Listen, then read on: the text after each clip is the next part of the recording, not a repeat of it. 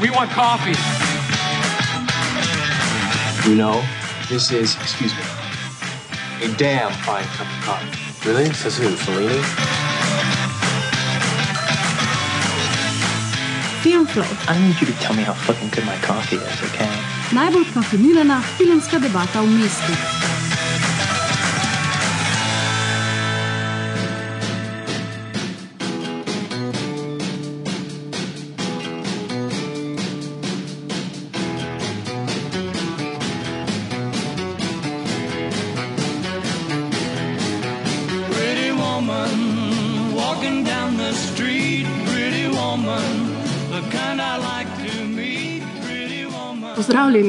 Dragi poslušalci in poslušalke, ljubitelji in ljubitelice vsega filmskega.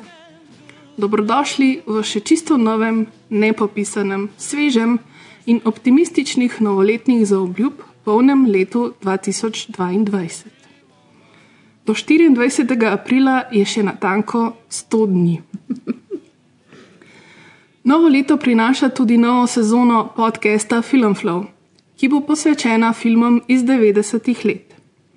Naslednjih 365 dni, oziroma malo manj, vam bova družbo delali Maja Peharc in Ana Šturam, pogovarjali pa se bova o tem, kako so filmi izgledali v 90-ih, oziroma kako so 90-ta izgledala v filmih. Zavrteli bova časovni stroj in se podali nazaj v 90-ta in skozi deset izbranih filmov zadnje dekade 20. stoletja poskušali poiskati takratnega duha časa.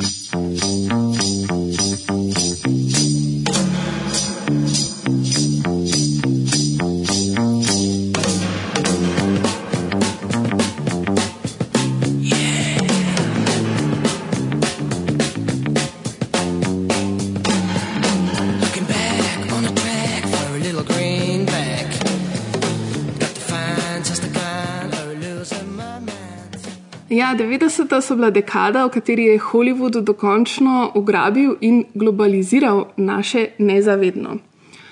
To, kar smo takrat gledali in poslušali, je večinoma prihajalo iz enega samega centra, iz kraja, kjer se rojevajo in umirajo sanje, torej iz Hollywooda. To seveda pomeni, da ste za filme, o katerih se bova letos pogovarjali, če jih niste že gledali, vsaj slišali. Ja, I mean, upam, otherwise ne vem, kje ste živeli pod kamenom. Ali pa so ljudje tako mladi? To ne velja. Zadnja generacija, ki se je zares rodila, se je rodila leta 91, vse ostalo je fake news. Kaman, ljudi so danes stari 18, ki so se rodili 2000. A si rekla 18? Ja, več kot 18, I know. Ne velja, I am not that old, I refuse to accept it. 90. v Ameriki veljajo nekako za neko drugo zlato obdobje filma. A, Takrat v povprečju nastane približno 400 do 500 filmov na leto, a, kar je približno podobna številka, kot um, je bila v prvi zlati do, dobi Hollywooda, to je bilo seveda v 40-ih letih. Ampak s to razliko, da um, seveda v 90-ih vsi ti filmi niso prišli dejansko na filmsko platno, ampak so šli seveda direktno na videokasete. Mm. Saj je bila videoindustrija v tem času v neslutenem porastu oziroma razvoju. Recimo, kot zanimivost, takrat je ena najbolj uspešnih firm, ki se ukvarja z distribucijo filmov na videokasetah in potem na DVD-jih, Netflix. Mm -hmm. Imagine the perfect video store. It would have a great selection, right? Right, over 10,000 videos. Vse se vrača. Ja, Netflix je začel res kot videoteka, oziroma kot blockbuster. Kar je amazing. A se spomniš videotek? Mislim, ja, ker si delala v eni, oziroma je bila že DVD teka. Oboje teka. Uh, v bistvu je bila DVD teka. Mm. Ja, jaz se ne spomnim sicer, da bi si kadarkoli kaj izposojala iz videoteke, sem pa imela cel kup filmov posnetih na video. až mi pa to ne, mi smo si pa ful sposojali. Pa tako skozi ene in iste, da smo jih pa na pamet znala, which is insane. Pač pa tako, tako so filmi delovali. There's a bomb on a bus. Once the bus goes 50 miles an hour, the bomb is armed. If it drops below 50, it blows up. What do you do? What do you do? Filmi so v 90-ih postali bolj filmski, cinematični, dinamični in eksplozivni. Zato verjetno ni prav nič nenavadnega, da je bil najbolj priljubljen žanr te dekade akcijski thriller. Če ponazorimo samo z enim primerom, v 90-ih je svoje filme začel delati Michael Bay. 90-ta so znana tudi po tem, da se v tem času prvič pojavi uporaba računalniško generiranih efektov, oziroma to, kar danes poznamo pod terminom CGI. Um, dva, recimo, zgodna primera um, posebnih učinkov sta filma Terminator 2, Sodni dan iz leta 91 in pa Jurski park iz leta 93. Mogoče je treba reči dobri, dobrih primerov. Dobrih primerov. Ker to sta res, tako še, do, še posebej Jurski park se mi zdi danes pol zdrži. Ja, vse mogoče um, pri Jurskem parku so dejansko uporabljali več različnih Ja. uh, tehnik, še, ampak Ja. o tem mogoče več v kakšni od naslednjih oddaj. Spoiler alert. Spoiler alert, yes. Hold on. This isn't. This isn't some species that was obliterated by deforestation, or or the building of a dam. Dinosaurs uh, uh, had their shot, and nature selected them for extinction. I simply don't understand this Luddite attitude, especially from a scientist. Se je pa nekak film v 90-ih zares razvijal v dve smeri. A Na eni strani so bili tudi zaradi hitrega širjenja in množenja multiplexov, a, so dominirali tehnično spektakularni blockbusterji z računalniško generiranimi efekti, že omenjena Terminator in Jurski park, pa recimo Titanic in pa Matrica. Po drugi strani pa smo imeli v 90-ih tudi izjemen razvoj na področju neodvisnega filma. Festival Sundance v tem času postane zelo pomemben in prepoznaven festival. Obdobje je bilo zelo plodno za afroameriško kinematografijo. Dobimo recimo prvi film afroameriške režiserke, to je bila Julie Dash, pa seveda filme Johna Singletona in Spikea Leeja. Da sploh ne govorimo o plejadi zelo uspešnih afroameriških igralcev in igralk, ki so preplavili tako velika platna kot male ekrane, od Eddieja Murphyja prek Willa Smitha, Whoopi Goldberg do Lorenza Fishburna. Can we have one night where there ain't no fight, nobody gets shot? Shut up, bitch. Bitch, I will fuck you up.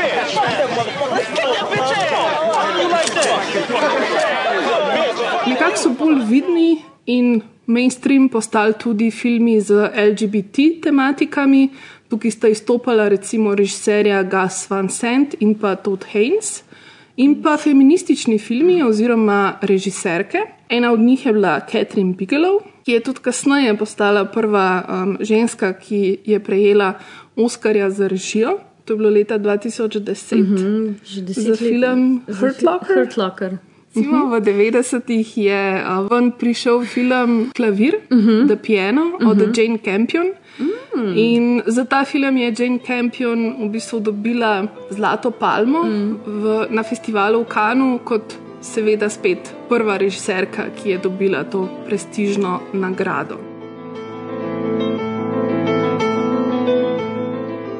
Pa mogoče, če omenjamo še eno uh, tako značilno stvar filmov iz 90-ih, uh, je bilo pa recimo tudi to, da so se tudi veliki filmi z velikimi budžeti uh, dejansko ukvarjali z resnimi in pomembnimi temami. Od AIDS-a, recimo tukaj je tak uh, zelo znan film Filadelfija, Jonathana uh, Dema. Prek rasizma, seveda, fanti iz sosedske, Johna Singletona, do holokausta.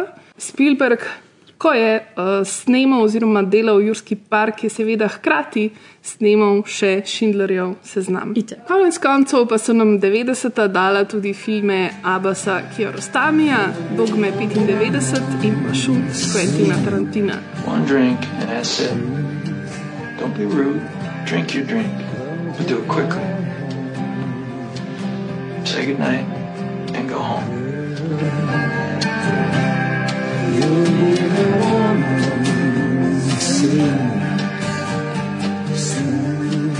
Danes se bomo pogovarjali o filmu Čedno dekle, ki je 90-ta leta zaznamoval na povsem svoj način.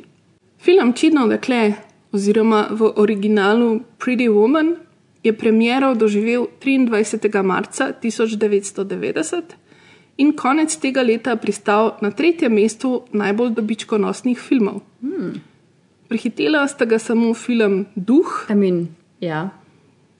tandem Julia Roberts in um, Uh, Richard Gere versus uh, Demi Moore in uh, Patrick Swayze. I mean, ja, konkurenca je huda v tem primeru.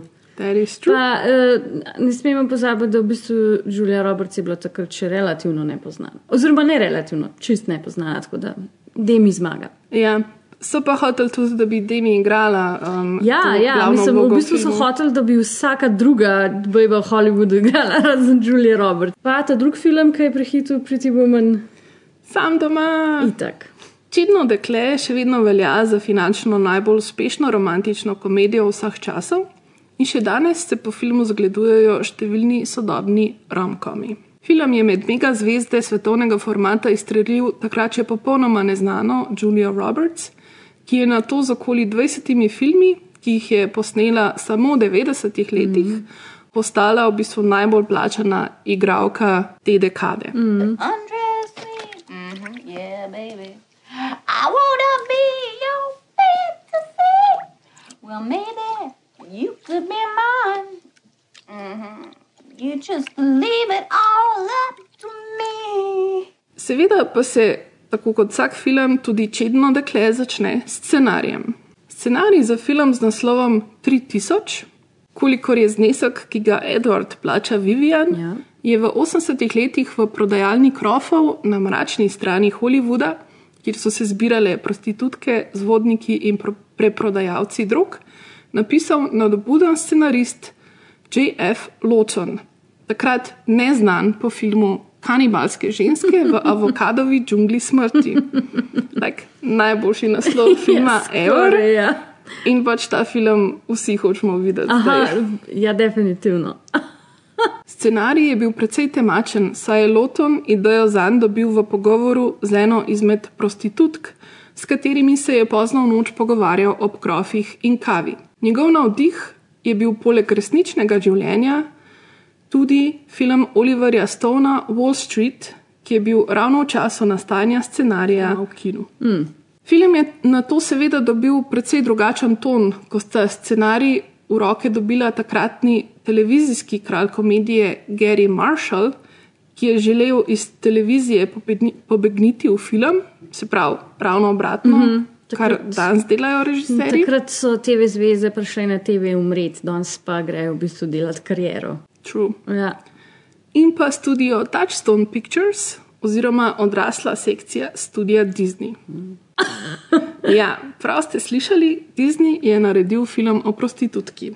Vse ostalo je zgodovina, filmska zgodovina 90-ih let. ja, na papirju je Disney naredil film o prostitutki. Ja, v bistvu se zelo smooth ne, Ja, ja, ja. Um, izmakne tej temi. Ja, zelo. Čeprav na nek način je vse čas uh, prisotna, ampak se mi zdi, da so ga nekako podložili s to temo o revščini. Ne? Ja, ja, ja. veliko velik bolj, um, kot pa v tem, kaj ona zares počne. Ker v bistvu nikoli ne zares ne vidimo, kaj ona počne.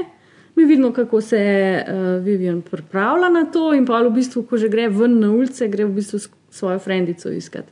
In ta prvi Jack, na katerega naleti, je takoj Edward. In pol gresta in se film začne. Tako da ja, zelo spretno scenarij iz 3000 neke dark tragedije o LA prostitutkah spremeni v nek fair, v 90 fairy tale. Which is pa, se, to je čist bolj, se ne pritožujem. Zato pa je Disney. Ja, exactly, ja. You're late. You're stunning. You're forgiven. Shall we go to dinner? Glede na to, da Čedno dekle velja za enega od najbolj popularnih filmov vseh časov, ste ga verjetno že gledali. Ampak verjameva, da nimate nič proti, če vam Maja servira še kratek sinopsis filma. Ja, za tiste, ki mogoče ste se res rodili po 2000, pa še niste prišli do teh filmov. Um, gre za klasično ljubezensko zgodbo, kjer um, princ na večernem avtomobilu uh, pobere čedno prostitutko Zaprav Richard Gere v vlogi Edwarda, ki je nek um, hardcore uspešen podjetnik, ki um, uh, multimilionar, ki razkosava druga podjetja iz um, zla svojega srca, ima težave v osebnem življenju, šokantno, in potem se nekega dne vozi po Hollywoodu in pobere našo prostitutko Julio Roberts oziroma Vivian. Najprej misleč samo za eno noč, na to pa nekako začuti, da je ta punca čisto v redu in jo plača, da bi bila cel teden njegova spremljevalka. Ker vse glih, ne glede na to, kako hardcore si v biznisu, očitno še vse glih bolj nekaj veljaš, če imaš neko žensko ob svoji strani. In potem gledamo par dni um, dogodivščine, ki jih ona dva mata, um, vedno bolj se kaže, da sta si ful simpatična in všeč. Um, ona nekako uh, prodre v njegovo srce in ga naredi majhen bolj sočutnega in prijaznega uh, do okolja in do samega sebe. Imamo par zapletov, ker ona je vendarle prostitutka in to njegovo od Edwarda okolje ne more čist najbolj pohendlati. In potem upam, da je od filma že dovolj časa minilo, da vam ne bom spoilala konca. Um, sicer potem gresta skladno z biznis dogovorom po enem tednu in 3000 dolarjih na razen, ampak Richard Gere oziroma Edward potem vseglih ugotovi, da pač ne more brez svoje Vivian in jo ne na belem konju, ampak v črni limuzini pride rešiti iz revščine in potem živita srečno do konca svojih dni. Zdaj se sprašujem, če res lahko pospojlaš konc romantične komedije. Ne, ne, ne, ne moreš, ne. Itek da ne. Ampak ja, pač na koncu sta skupaj. Itek. Hey, Sugar, you looking for a date? No, I want to find Beverly Hills. Can you give me directions? Sure. For five bucks. No in glede na to, da gre za romantično komedijo, se mi vseeno zdi, da film nagovarja neke precej take resne teme. Uh -huh. Od ne vem, revščine do prostitucije. Uh -huh. mm, ne vem, tako zanima me, katere stvari v filmu ti še danes zdržijo, um, katere so pa mogoče take, ki jih je mogoče malo že povozil čas. V bistvu mi cel film fulpije vodo, še danes. Um, mogoče ne bi bil. Težko si predstavljam, da bi Disney naredil, mislim, da bi kakšen studio naredil mainstream film, kjer bi not igrala oseba, ki je kao prostitutka, čista element, mogoče bi bila mm, revna čestilka ali pa nek, a veš, ta delovski razred, ne pa glih prostitutka.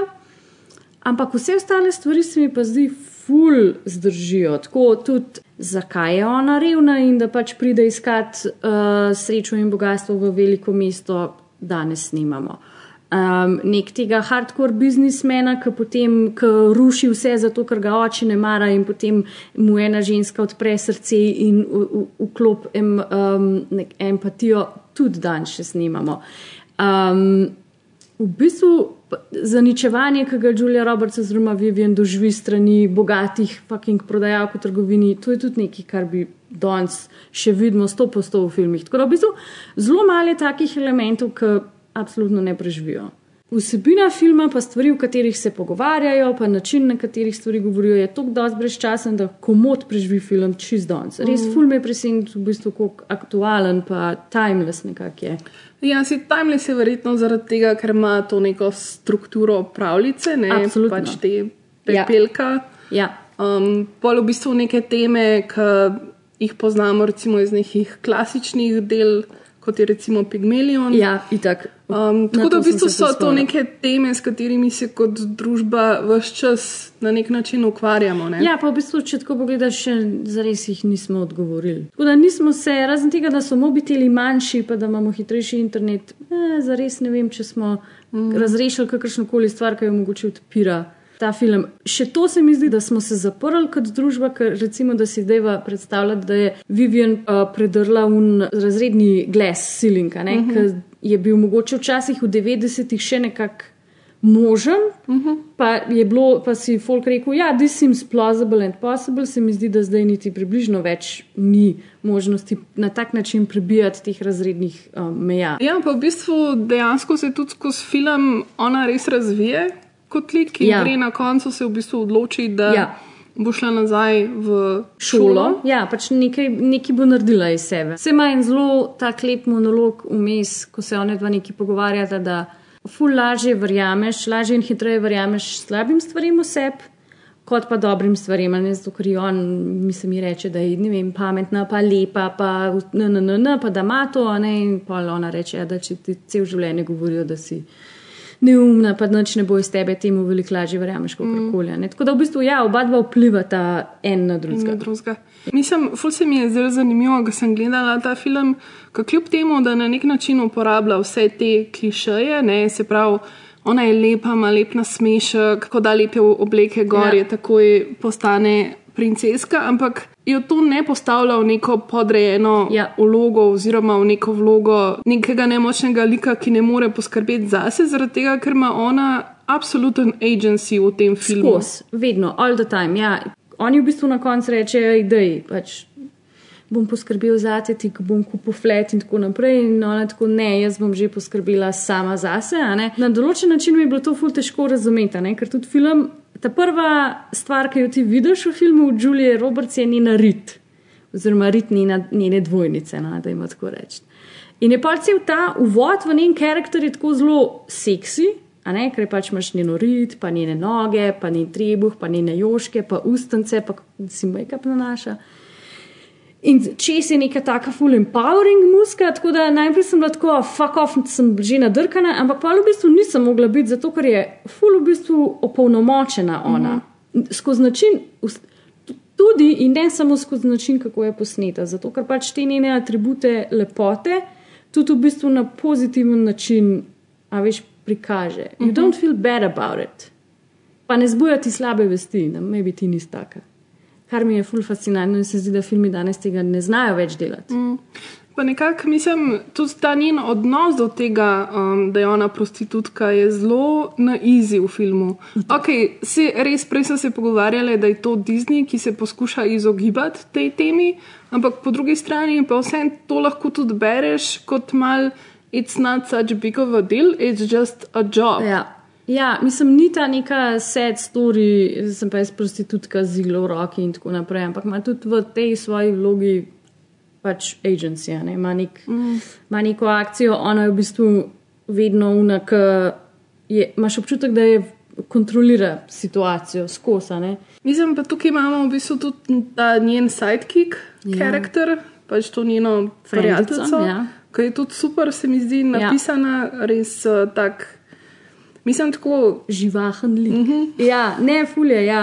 Um, ampak nekako tako se mi zdi, da en tak counterpoint Julie Roberts, ki je vseh majhen bolj ne toliko podvržena elementom, v katerih je, ampak ta njena frendica je pa v bistvu bolj podvržena tem Ja. okolju, v katerem je. a Ne? Mislim, da gre predvsem to, da je mogoče uh, liko Ju Julia Roberts še vedno, um, se pravi, ona je novinka v mestu, To, ne, ja. nekdo, ki je prišel, dobro dekle, ki je prišlo Ja. iz podeželja v mesto, Ja. medtem ko ta njena kolegica Ja. pa je že v mestu malo bolj doma. Ja, pa nekako se zdi, da če Vivian še verjame sama sebi, da gre rohven, pol ta njena kolegica ne več in v bistvu ona fura sistema. ne. Zato ker pa na koncu že uvaja neko novo. Mhm. Pa V bistvu zanimiv moment mi je pa pol tudi uh, glede moških likov. Ja. Ko so pa v bistvu precej nejunaški.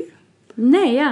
Prebrala sem, da uh, je Richard Gere, I guess, da iz navade, igral malo drugače uh, Edwarda, malo bolj, bolj um, aktivno. Pa moj pa, mislim, da režiser, scenarist uh, ga je potegnil na stran in rekel: Le, pač le v tem filmu se en premika, en je pa primir in ti si tisti, ki je primiran. Noben ni tako in control ali pa kaj takega, ampak um, ni pa tudi noben loser. Razen mogoče um, odvet- Odvetnika? odvetnika. Ampak še ta se mi zdi, zato, ker, ker ne zato, ker bi bil sam po sebi nek bad guy, ampak zato, ker pač živi v tem ultrakapitalističnem sistemu in sam hoče denar. Tako da v bistvu tudi Richard Dogiru, recimo, če bi ga. Ne moš ga gledati kot bad guy, ker se mi zdi, da tudi on full velik naredi razpon, pač ima nek character development. Ne? Pa ja, si nisem mislila mogoče toliko, kot da bi bil res zdaj bad guy, Ne, ampak ja. Tako imaš te neke nianse. Ja, ne, tudi, ne vem, tudi on je pokaže svoje čustva, pa je vulnerable, pa, pa ima neko introspekcijo sam vase, tako zaveda se, da mogoče ni vse glih najbolj optimalno v njegovem lifeu in tako naprej. Ne. Pardon me, Mr. Lewis. I'm Mr. Thompson. I'm the manager of the hotel. Excuse me, I just want to make one call. Yes, I'm sorry. I have a message for you, sir. From who? From your niece, sir. My what? The young lady who's staying with you in your room, sir. Oh. Hmm. I think we both know that she's not my niece. Of course. The reason I know that is that I am an only child. Yes, sir. What's the message? She's waiting for you in the lounge.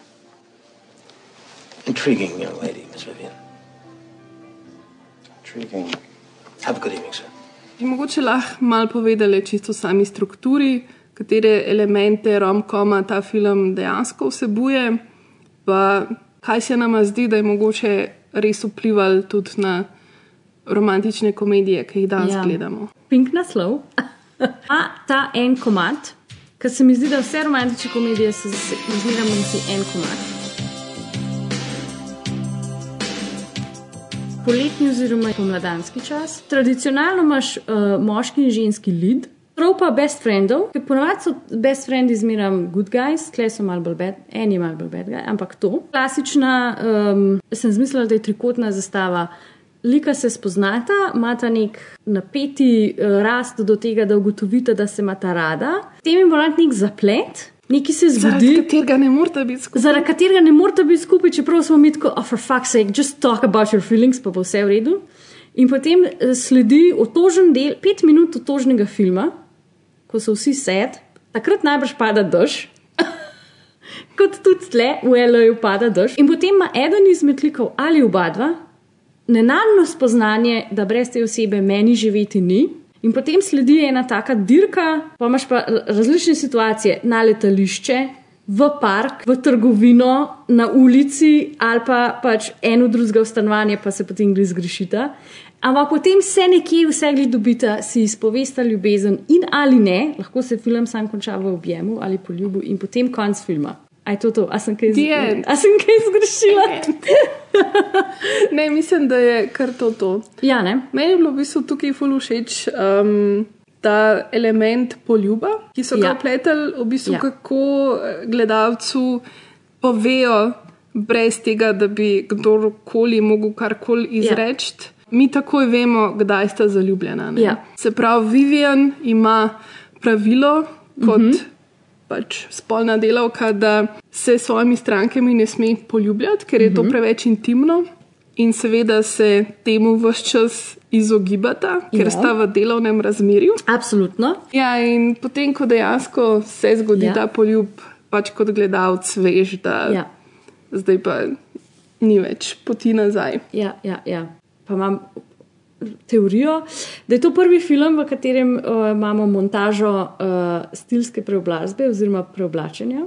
Uh -huh. In ne razumem, zakaj so zmeraj tako kul. Cool. Ne, se razumem, zakaj so zmeraj tako kul, cool, ampak tle so tudi kul. Cool. Tukaj je še posebej kul, cool, zato ker ona prvič, ko gre kaj kupiti, jo pač itak pride v tej svojem ekstremnem miniču in jo tam nobena ne postreže, ne reče, kao pač nimate tle vi denarja zapravljati, potem pa pride z Richardom oziroma z Edwardom in, mu, in on reče, kaj zdaj pa tle imaš vsta denar.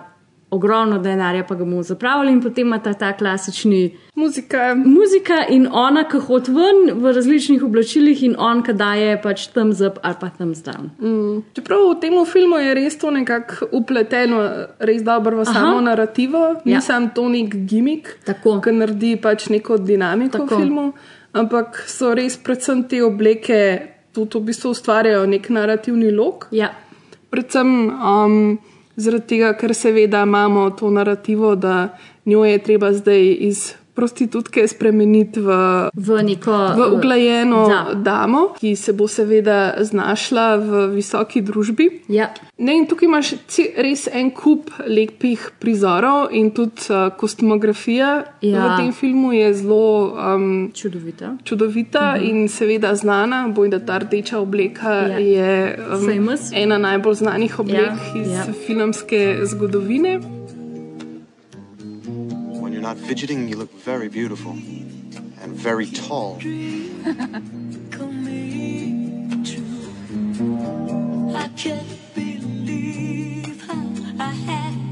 Ima pa seveda vsak film, ki nastane v določenem času, v sebi nosi duh tega časa. Ja. Kaj je v bistvu najbolj 1990 stvar v čednem dekletu? Meni sta bile dve stvari v tem filmu, res 1990. In sicer ta prvi mobitel, ki ga samo Edward oziroma Richard Gere, samo on ga uporabi enkrat. To je še un, pač, a, če se spomnite, uni, ki ste stari regle, pa pa še krat tri ali pa krat štiri, tak z kocka, z majhno antenco. To se mi zdi, da je tako quintessential 90, ker v momentu, ko so se pojavili mobilni telefoni, sploh kot opcija, so jih potem, se mi zdi, tišali v vse te filme. In Se zdi še najbolj legendarno uporabljen mobilni telefon je itak v matrici Una Nokia, ki se je dol stegnila.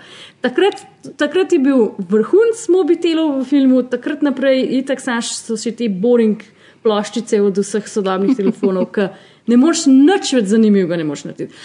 Ker ta druga stvar, ki se mi pa saj meni zdi ful tako 90, je pa ta nek hardcore, brezsrčni kapitalizem, ki je predstavljen še kot ne kot dobra stvar, ampak ne nujno kot slaba stvar. V 90-ih se mi pa zdi, pa kot si na začetku rekla, je bila to zlata doba v Ameriki, tudi kar se tiče tega uh, biznismenov z aktovkami, ki so pač razkosavali svet. Mm.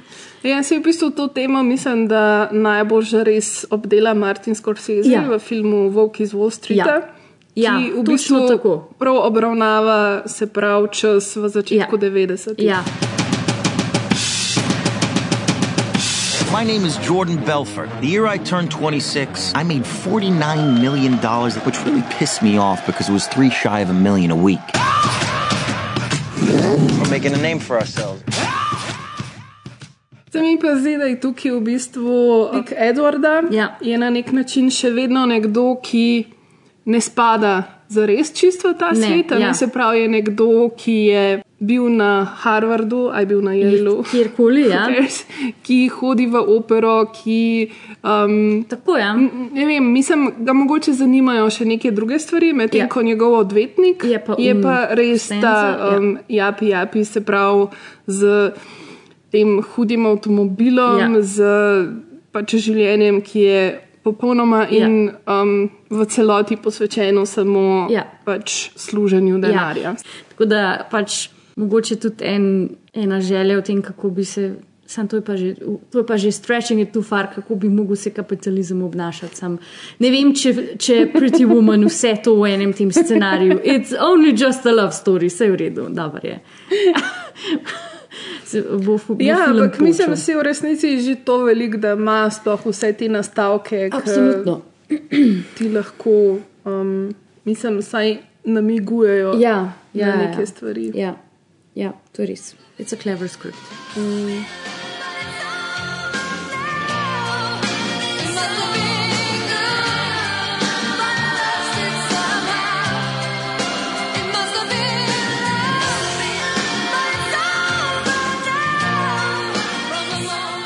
Yes.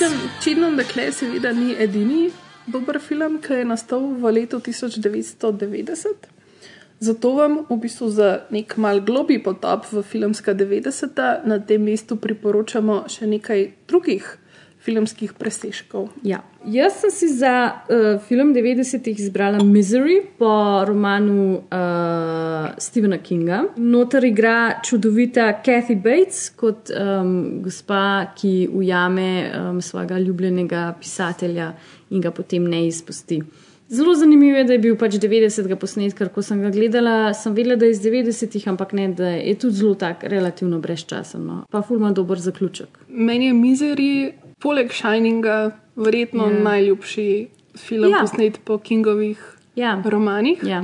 Če... Pa oba dva se v bistvu ukvarjata s podobno temo, ne, z ja. neko blokado pisatelja. Vse se, pač, roko na srce se vsi Kingovi filmi ukvarjajo in knjige s približno istimi temami, ampak ja. V 90-ih je bila še ena serija po Stephenu Kingu in sicer Tisto. A, ki je v bistvu ena Ja. stvar, ki je zaznamovala totalno Ja, moje ja, ja. otroštvo. Itak, ja. Um, Too scary for me. Mislim, bilo je skeri, dokler nisi prišel do tistih zaključnih desetih minut okay. S tistim pajkom, in Ja, ja. potem je bilo vse samo smešno Ja, in je pač propadlo. Tega se res spomnim, mislim, to je bila tako ena izmed tunih stvari, ki so se mi, ko sem bila mehna, res zdele tako, da tako, it should be forbidden to watch that.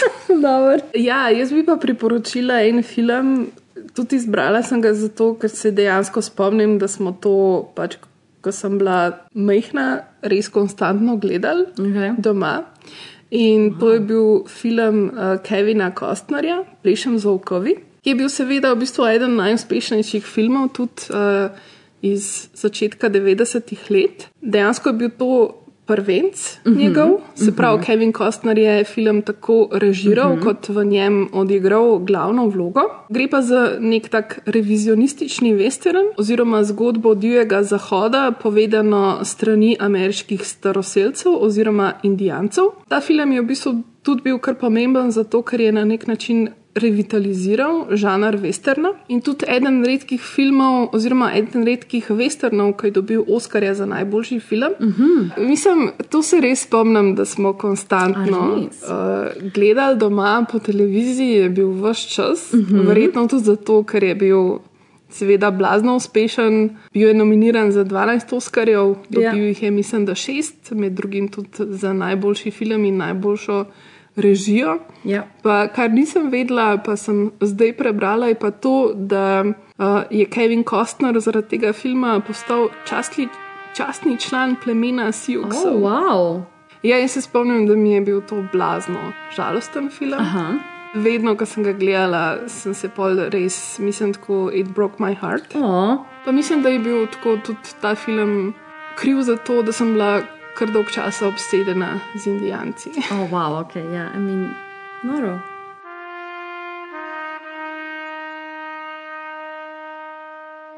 Sedaj pa poslušajmo, kateri film iz leta 90 je izbrala Maja Willow. Moj najljubši film iz leta 1990 je Tim Burtonov film Edward Scissorhands ali Edward Škarjeroki. Film je pravzaprav mešanica pravljice Oskarja Valda o srčnem kraljeviču in starih hororjev kot je Frankenstein. Govori o fantu Edwardu, igra ga Burtonova muza Johnny Depp, ki ga kot kakšnega Frankensteina sestavi nori znanstvenik, še preden pa mu ta uspe našiti roke, nažalost umre in Edwardu na mesto rok ostanejo škarje. V zapuščeni graščini ga popolnoma samega najde dobrosrčna gospodinja, mama mladenke, ki jo igra Vinovna Ryder in s katero Edward splete ljubezensko vez. Gospodinja ga popelje v svet normalnih občanov, ki živijo v predmestju v kičasto obarvanih hišah in tam za trenutek najde svoje mesto, kjer vsem prebivalcem oziroma bolj prebivalkam, kreira nove frizure in obdeluje njihove grme na vrtu v spektakularne živalske skulpture. A navadni občani se kmalo njegove na začetku privlačne drugačnosti ustrašijo in na koncu je prisilen zbežati nazaj v osamo v svojo grščino, daleč stran od normalnega. Film se mi zdi zato nagovarja predvsem tiste, ki so se kadarkoli počutili čudne ali tiste, ki niso dosegali pričakovanj družbeno splošno. Torej, nekako popolnoma najstniški film. Lahko sigurno rečemo, da je tudi odsev občutkov režiserja, ki sam po sebi izstopa od pričakovanih norm. Tim Burton je eden izmed tistih režiserjev, ki v film uložijo prav vso svojo kreativno energijo. Napisal je zgodbo s pomočjo dolgoletne sodelavke Carolyn Thompson, naredil je zasnovo za kostume in scenografijo. Podoba Edwarda je recimo inspirirana po njegovi skici, ki jo je naredil kot najstnik. Naj samo povem, da je Burton odličen ilustrator in avtor animiranih filmov v stop-motion tehniki. Eden izmed njegovih prvih odmevnih filmov je animirani film Frank and Winnie. Vsi njegovi filmi imajo zato prav specifičen stil in je že oddaleč prepoznaven po navidezno strašljivih, a vendarle izjemno preljudnih in dobrosrčnih likov, če pa niso to na začetku, pa vsaj na koncu to postanejo. V filmu so mi mogoče najbolj všeč klišeji, ki jih še danes najdem v svojem življenju. Recimo, najbolj klišejske so te razočarane gospodinje, ki so obsedene z vsem, kar je novo in jim za trenutek popestri dolgočasno predmestno življenje. One so kot neka zakonodajna instanca, ki delegirajo, kaj je ok in kaj ne. Pa nima veze, mogoče da so gospodinje. Gre pravzaprav za vse nas, ki smo se preveč prilagodili in za varnost tega, da imamo mir, postali navadni. Prav Edward pa v njihov vsak dan vdahne življenje, ki si ga sami želijo, pa tega ne najdejo. In morda so le one tiste, ki so drugačne, ki so neasimilirane. Sama sem skozi čas v filmu odkrila še en nauk, da veliko krat drugačnost prva za mnoge pomeni nekaj izjemno zanimivega, ampak se na koncu izkaže, da je vseeno drugačnost preveč drugačna za večino. Edward kot lik je izjemno nežen in dober po srcu. In mogoče je prav zaradi tega razloga tako zelo drugačen.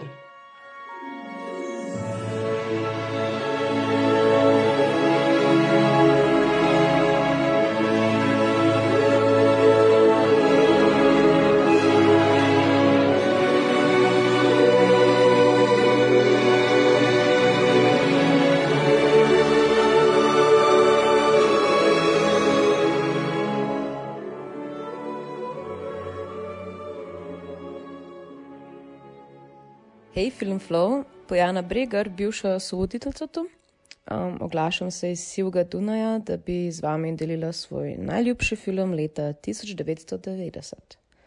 Uh, 90 je bilo povsem sodeč dobro leto za film, um, posledično pa še bolj za vse otroke 90-ih, ki smo odraščali ob never ending ponovitvah teh krasnih hitov iz 90-ih.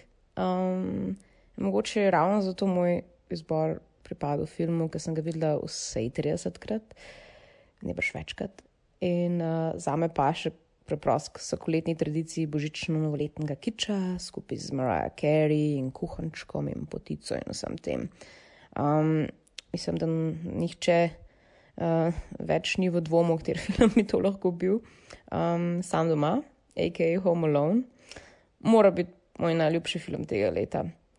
Um, Mislim, da je Chris Columbus, ki je odgovoren tudi za super drug del, uh, Lost in New York, ki mi mogoče meni še malo bolj všeč, uh, naredil super job, um, super režija, um, neponovljiva igra Kale Kalkina, ki verjetno nikoli več, no, skoraj skor 100% nikoli več ni um, dosegel teh višav um, popularnosti. Uh, ja, preprost, mislim, da gre za res dober film, um, kakršnih ne delajo več. Um, tako da to je moj izbor, deal with it. Hvala Ani za povabilo in uh, upam, da se kmalo slišimo s kakšnim novim izborom iz 90-ih. Čau! You little creep! I'm gonna kill that kid! You guys give up or you're thirsty for more? Dragi filmofili in filmofilke, poslušali ste 119. epizodo podcasta Film Flow o filmu Čedno dekle oziroma Pretty Woman, ki je definiral status romantične komedije v 90-ih letih in med mega zveze izstrelil ljubljenko ameriških src Julio Roberts. Z vami smo bili Ana Šturom in Maja Peharc. S svojimi najljubšimi filmi iz leta 90 pa ste se oglasili še Bojana Bregar in Maja Vilov Zupanc. Thank you, girls! 119. epizodo Filmflowa sva posneli v svetih dvoranah slovenske kinoteke. Uh, vabljeni, da si ogledate kinotečni program, um, saj se na njem zna najti tudi kakšen film, o kateri bova govorili tule, Wink Wink. In ne gre za naključje. Če vam je to všeč, kar mi dve delava, o čemer se pogovarjava, prosim, šerajte, lajkajte, uh, povejte frendom, dajte staršem za poslušati, oni so bili še pri zavesti in živi v 90-ih, um, sem prepričana. Um, sharing is caring. Tako da, prosim te. Pri zavesti. ja, no, pač predvidevam, da živi. Predvidevam, ne. They're old people now. Ljudje, ki smo živeli in bili pri zavesti v 90-ih, smo old. Filmflow lahko spremljate na mreži Apparatus, um, kjer je doma še veliko drugih krasnih podcastov, med drugim tudi en filmski. Nanj se pa lahko naročite na podcaste, namreč na našega in še kakšnega drugega, se lahko naročite prek vaše najljubše aplikacije oziroma ponudnika podcastov nekje na internetu. In nekje na internetu smo pa tudi mi. Uh, in sicer samo še na socialih, na Facebooku smo Filmflow, na Twitterju smo @filmflow.tm, na Instagramu pa Filmflow podcast. Zakaj nismo mogli vse isto poimenovati, ne vem, ampak hej, zdaj pa stajamo že več let, tako da upam, da že znate vse tole. Oglasite se na najnih socialih, ker boste lahko videli majhno Ano in majhno Majo, ker bova šerali uh, za vsako leto podcasta tudi kakšno najno fotko iz otroštva, tako da um, bo kar zanimiv. Hvala, ker nas poslušate um, še naprej in se slišmo spet februarja z novo epizodo o najboljšem filmu vseh časov, hands down 100 po 100. Um, ne sem leta 1991, to je seveda Peklinski val oziroma Point Break. Bye! Ciao.